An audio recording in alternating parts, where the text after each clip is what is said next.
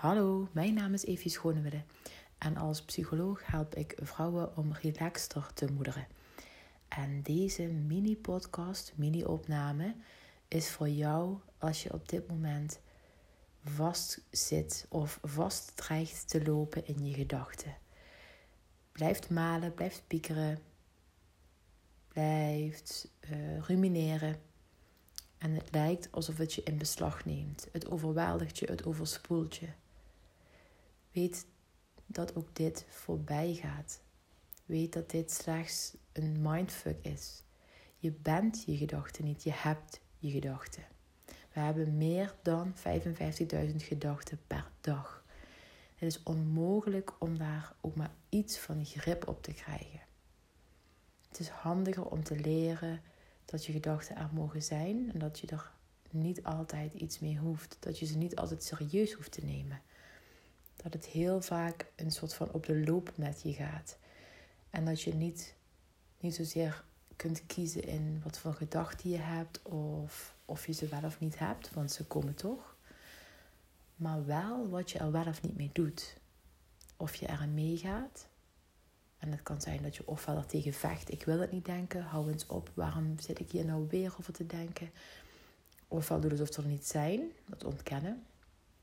Terwijl ze wel degelijk door je hoofd racen. Of ze probeert om te vormen, positief te maken, noem het maar op. Het werkt allemaal supergoed, maar vrijwel altijd alleen maar tijdelijk. Um, denk dan, denk dan, het is oké.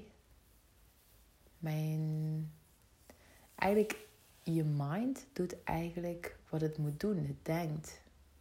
Of je verstand. Het denkt. Net als dat je longen uh, lucht er doorheen laten komen. Net als dat je hart bloed rondpompt. Het is, het is de functie.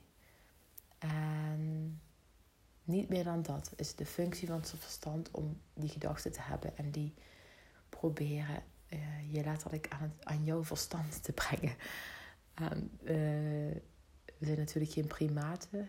Ehm, of in ieder geval, we hebben onze gedachten en ons verstand niet voor niks. Is ook heel handig en heel goed en heel belangrijk in heel veel situaties. Maar gezien het grote aantal gedachten die je hebt, zijn ze vaker niet relevant en niet belangrijk dan wel. Dat lijkt wel zo. Ehm, dat is ook weer een truc van je verstand, maar het is het niet. Maar heb ook compassie voor jezelf. Geef jezelf niet op je kop. Waarom doe ik dit weer? Het gebeurt me weer. Ja, dat klopt. En het feit dat je er bewust van bent nu, maakt dat je er iets mee kunt. Je bent leren en je bent stappen het zetten. En dat is oké en iedereen heeft zijn eigen tempo. Onthoud, je bent je gedachten niet, je hebt ze.